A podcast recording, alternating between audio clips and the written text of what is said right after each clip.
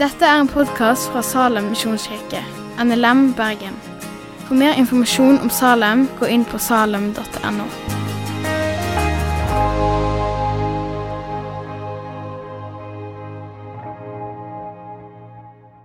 Mange av oss har jo vært forelska. Husker du den der første forelskelsesfølelsen? Den første følelsen. Ifølge nettet, da. En tilstand av intens romantisk tiltrekning og lidenskap. Husker du den første følelsen? Jeg òg.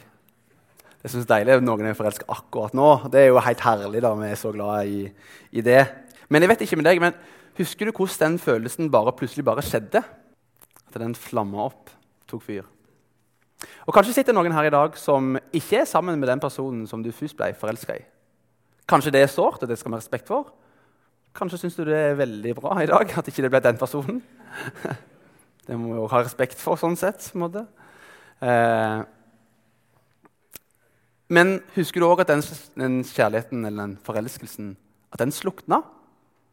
Forelskelse har den egenskapen at den kan ta fyr, flamme opp. Men en forelskelse har òg evnen til å slukne, dø ut. Jeg vet ikke hva som skjedde med den forelskelsen du var en del av. Kom det en annen person inn i bildet? Eller dere lei fra hverandre? Jeg vet ikke grunnen, men En forelskelse har liksom denne evnen da, til å ta fyr, til å slukne. Men kanskje du som meg, enten med samme person eller en annen person, opplevde at følelsen kom tilbake igjen. Denne følelsen av følelsesmessig tilstand av intens romantisk tiltrekning og lidenskap. Slukna, tok fyr og slukna.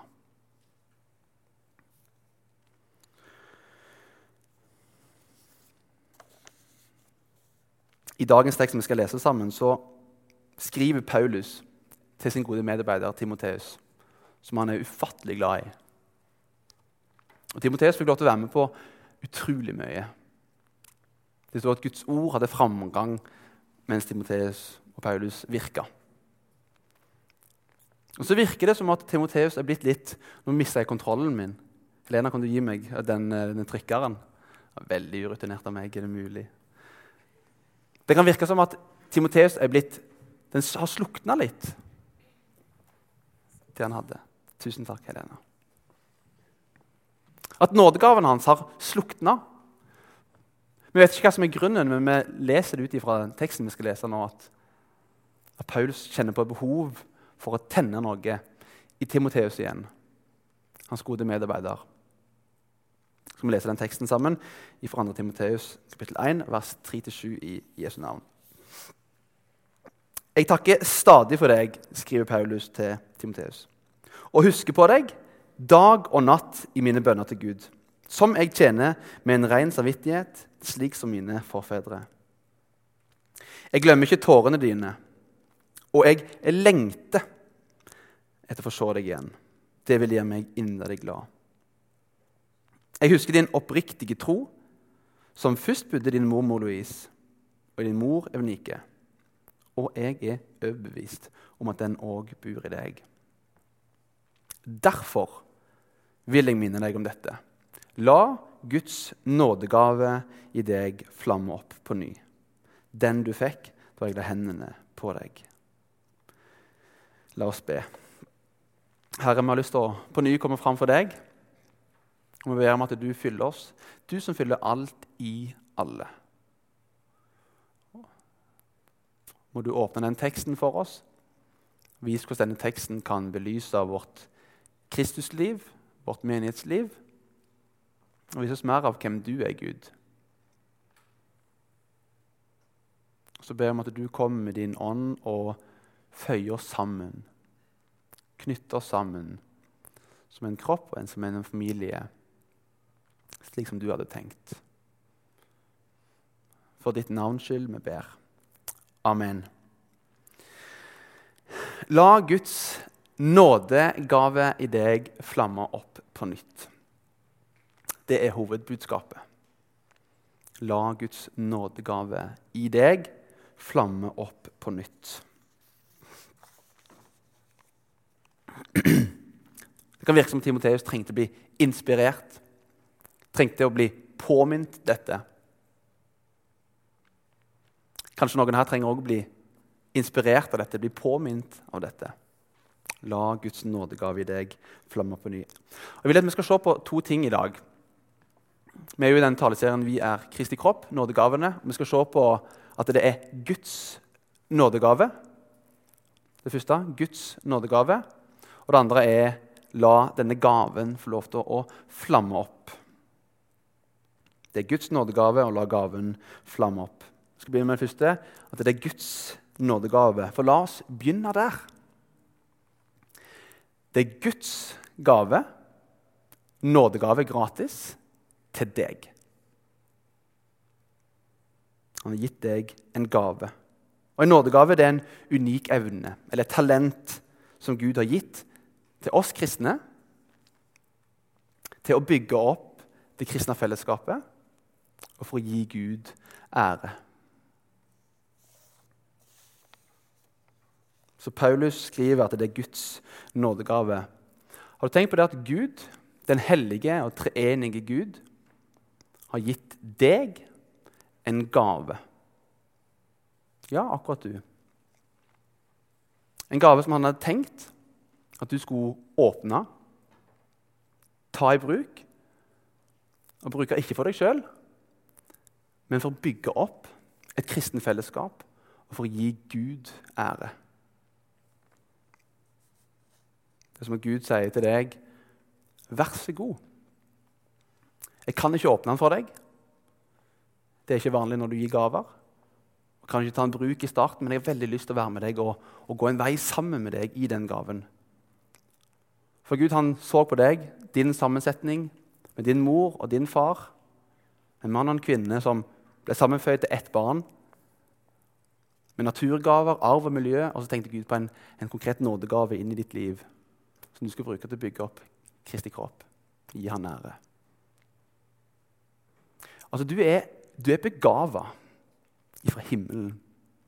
Og Vi kan slenge litt rundt med det begrepet at den og den er så begava. Men tenk at vi som kristne vi er begava fra Gud. Ikke bare de som tenker på i løpet av kvelden åh, den personen der har sikkert en sånn skikkelig bra nådegave. Nei, du er begava, du som tilhører Jesus. Du har en gave som Gud hadde tenkt at akkurat du skulle ha. For å bygge, Hvis du tilhører Salem, være med å bygge dette fellesskapet. Og for å gi Han ære. Så gjennom disse gavene som er i bruk, som er med å holde dette fellesskapet i gang, bygge det Men Gud han jobber òg gjennom, virker gjennom disse gavene. Og Helt konkret i dag da, så er det sånn Hvis du går til forbønn etterpå, det sitter en der som har en gave til å be for folk, så kan du få et gudsmøte i forbønn. Så Gud han virker gjennom disse gavene i forbønnen. Og En av de som liker lovsang, og du får et sterkt møte med Gud i lovsangen, ja, så virker Gud gjennom lovsangsgavene som lovsangsteamet har, slik at du får et møte med Gud. Jeg er veldig glad for at våre lovsangsfolk ikke sitter hjemme og ikke bruker gaven sin, slik at vi kan få lov til å få et møte med Gud. Gud han handler gjennom disse gavene. For han ville at vi skulle være en kropp. Jesus sier at han vil bygge si kirke. Så skriver han til Peter at på denne bekjennelsen at Jesus er Messias, vil jeg bygge mye kirke. Og Så skriver, følger Paulus dette opp og sier at vi skal være en kropp. Har du tenkt på hvordan en kropp fungerer? Vi er på en måte denne kroppen. og Hvis vi ikke henger sammen, så er vi ikke en kropp. Mange her tenker kanskje at ja, jeg er påkobla Salem. Det er min åndelige familie. Og så tror jeg noen her tenker at jeg er ikke påkobla Salem. jeg vet ikke om jeg vil det, men Kanskje noen tenker at jeg er ikke påkobla Salem, men jeg skulle ønske at jeg var mer påkobla. Være en del av denne familien. For hvis vi ikke er faktisk påkobla, så kan ikke kroppen måtte fungere og gå en vei. Men er vi kobla sammen, så kan vi faktisk bevege oss. Vi kan komme en vei. Vi kan bety en forskjell for mennesker rundt oss, til byen som vi er en del av. Og hvis kroppen var ikke sammen, så hadde vi spredt ut rundt forbi. Men en kropp som er sammen, kan også gå én felles vei, én retning.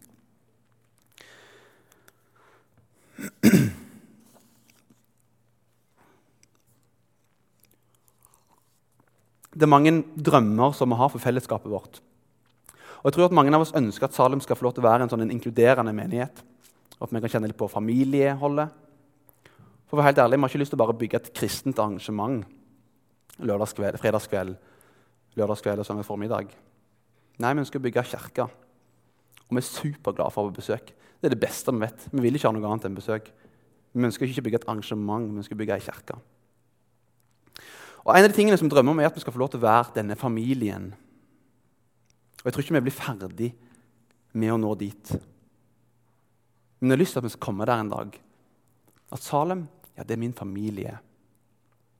Der jeg kan komme sånn som jeg er. Ja. Men det er òg ganske mange andre ting når en er en del av en familie. Jeg hadde en periode for en stund siden jeg var veldig sliten. Og så hadde jeg frihelg. Jeg sendte hjem til mamma, og så ble jeg skada. For de som kjenner meg, så var det veldig kjipt å være skada. Kunne ikke noen ting. Og var skikkelig, var skikkelig tung. Fantastisk å være hjemme og bare være. Det er fantastisk. Jeg håper det kristne fellesskapet også kan være en sånn plass å bare være. Men en annen del av å være hjemme, som egentlig er den største delen av å være hjemme, det er å hjelpe til hjemme og bistå. For meg er det urettferdig som mamma som alltid skal lage middag. Og jeg er helt elendig på kjøkkenet. For dere som kjenner meg, så vet dere det. Måtte, agurker er jo i store biter og alt det der. Men jeg kan jo komme ned en halvtime og spørre mamma, hva skal jeg bidra med. Er det noen ting du trenger hjelp til? Avlaste deg. Altså kutter jo denne agurken på en rar måte, men det blir i hvert fall kutta opp. Og så kan de dekke på eller vaske av. Så jeg er ingen sånn drømmeeksempel, men, men, det gir mening at når vi er hjemme hos foreldrene våre, så, så bidrar vi bitte litt. Om ikke så mye, så, men del av denne familien. Jeg hadde ikke lyst til å være hard denne helga det, men jeg hadde lyst til å være litt tydelig. At vi ønsker ikke bygge et arrangement, vi skal bygge ei kirke, en familie, og dermed avlaste hverandre. Og Det er urettferdig hvis noen gjør for mye som gjør at de blir utslitt. Det er i fall, hvis du hadde kommet hjem til meg og min familie hjemme hos mamma i Sandnes, og dere så at ikke jeg bidro, og mamma gjorde alt Jeg håper kanskje det første du tenkte, tenkt, var hun må være fantastisk humor til Gjermund. Ja, det er hun. Men jeg håper du har tenkt men hvorfor skal hun gjøre alt? Burde ikke det vært flere som bidrog? Kunne ikke Gjermund gjort iallfall litt? Jeg håper du hadde tenkt det. Så Jeg bruker meg som et eksempel for å illustrere for oss. Ja, sånn er det å være en del av en familie. Fordi det å være en familie, det aller mest naturlige er å bidra. Er å bistå. Og så kan du tenke at jeg har ingen gave inn i fellesskapet her i Salem som jeg kan bruke for å bygge denne kroppen opp. Men jeg har lyst til å være en del av familien. Ja, men Kanskje kan det være en av de da, som kommer litt før tida og spør er det noen ting jeg skal bidra med. Det kan være superkonkret. Sett ut noen stoler, fjerne noen stoler når vi skal nattverd. Eller gå på kjøkkenet og begynne å kutte denne agurken på en finere måte enn det jeg gjorde. Og vet du, det du kan gjøre Du kan gå inn der med et villig hjerte, ta agurken i andre hånda, ene hånda, kniven i den andre, og så kan du gjøre det for å bygge Kristi kropp og for å gi Gud ære. Fordi du er begava ifra himmelen med en gave som Gud har gitt til deg. For Gud hadde denne planen når han ga den gaven til deg. Så det er Guds nådegave til deg. Guds nådegave, som var hos han i utgangspunktet, og som han har gitt til akkurat deg. Det sitter en 180-190 nådegaver her inne som Gud hadde et sterkt ønske skulle komme i, i bevegelse, komme i funksjon.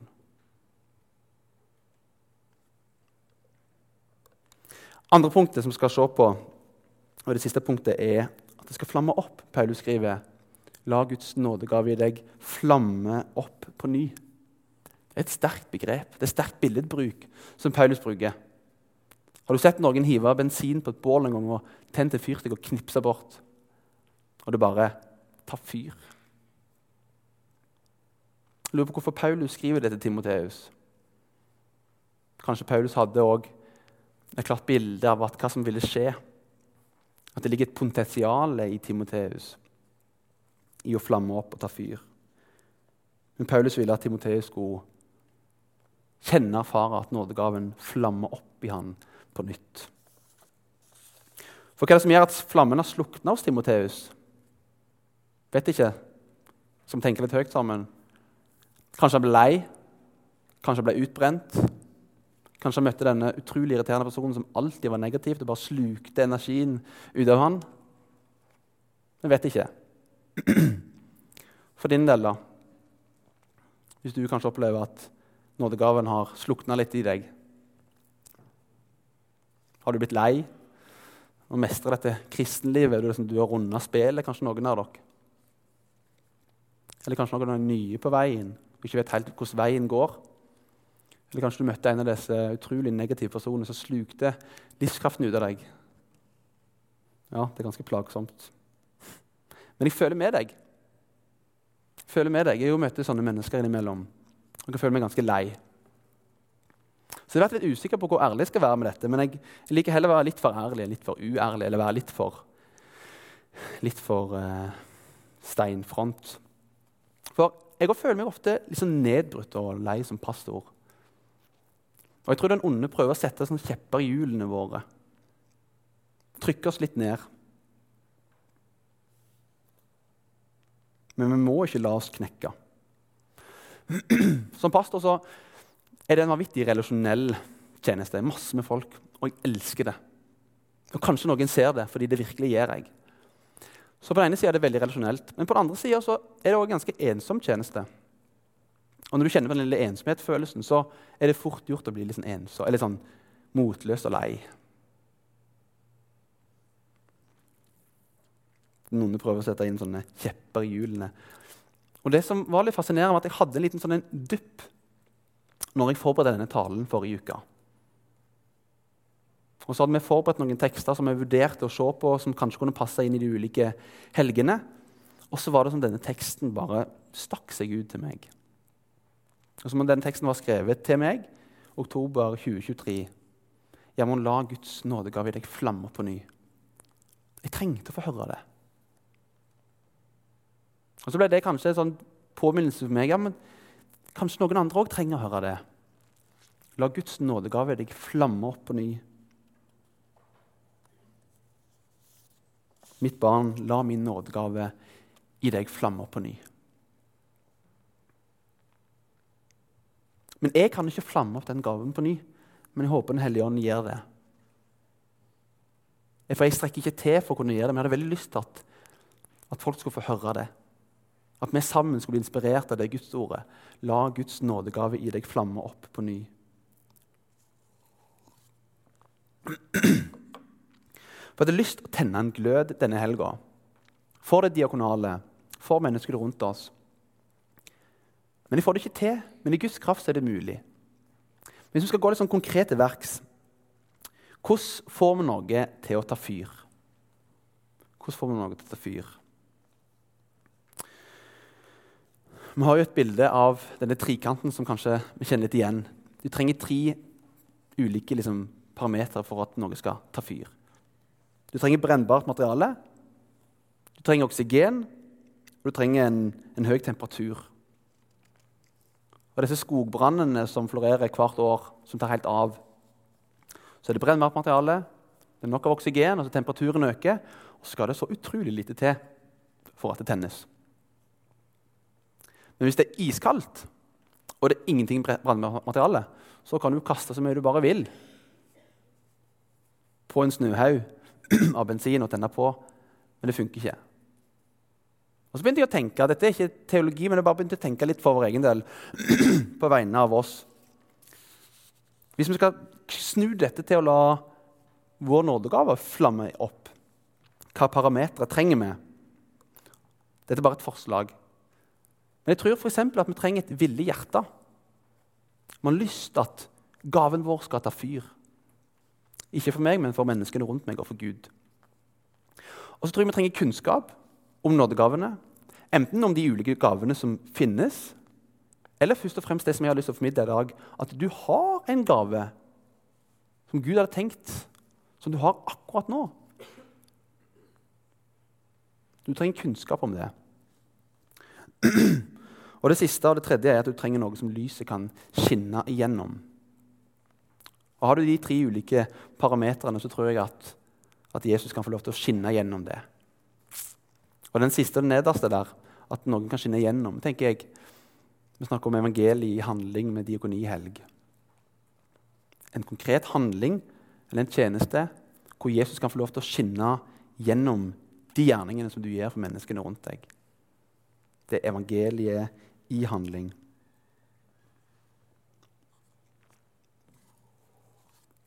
Så vi skal prøve en illustrasjon her i dag.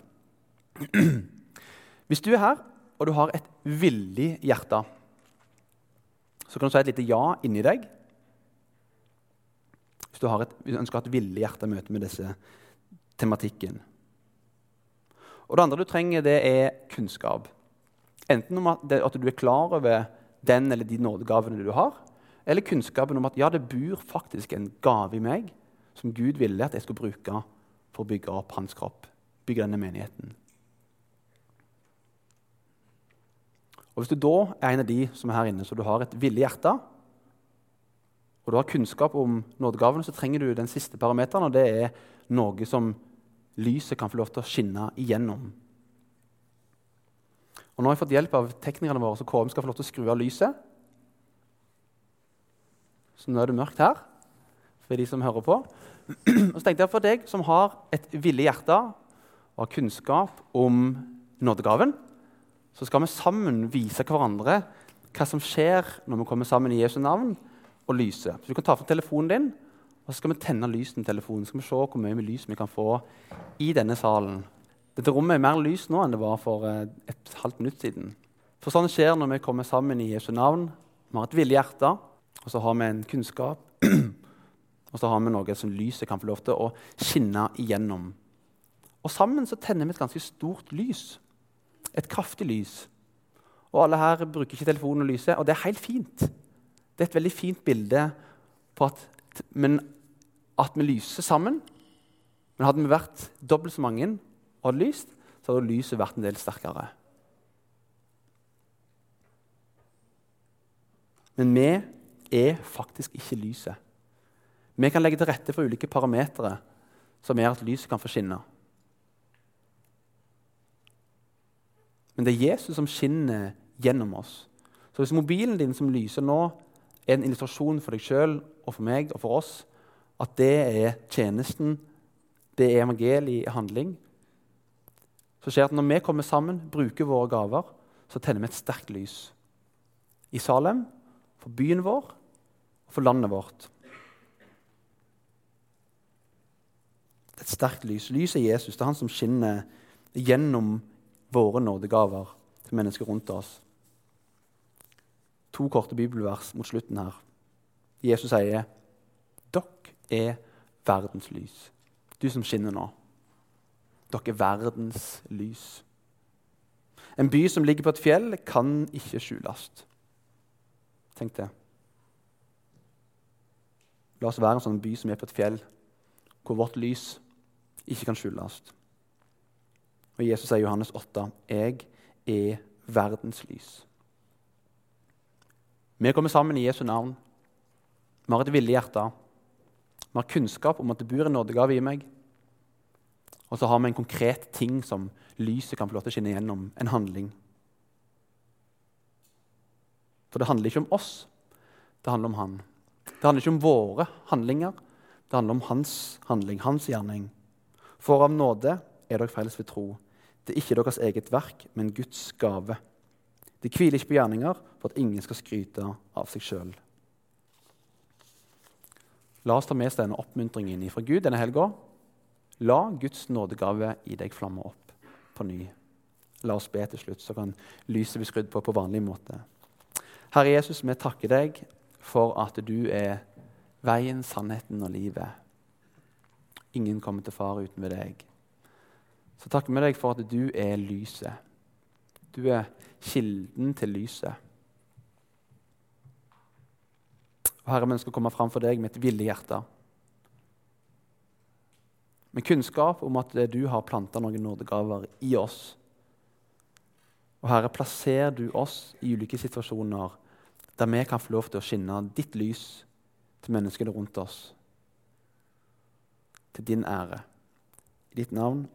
Amen. Takk for at du har hørt på podkasten fra Salem, Bergen. I Salem vil vi vinne, bevare, utruste og sende. Til Guds ære.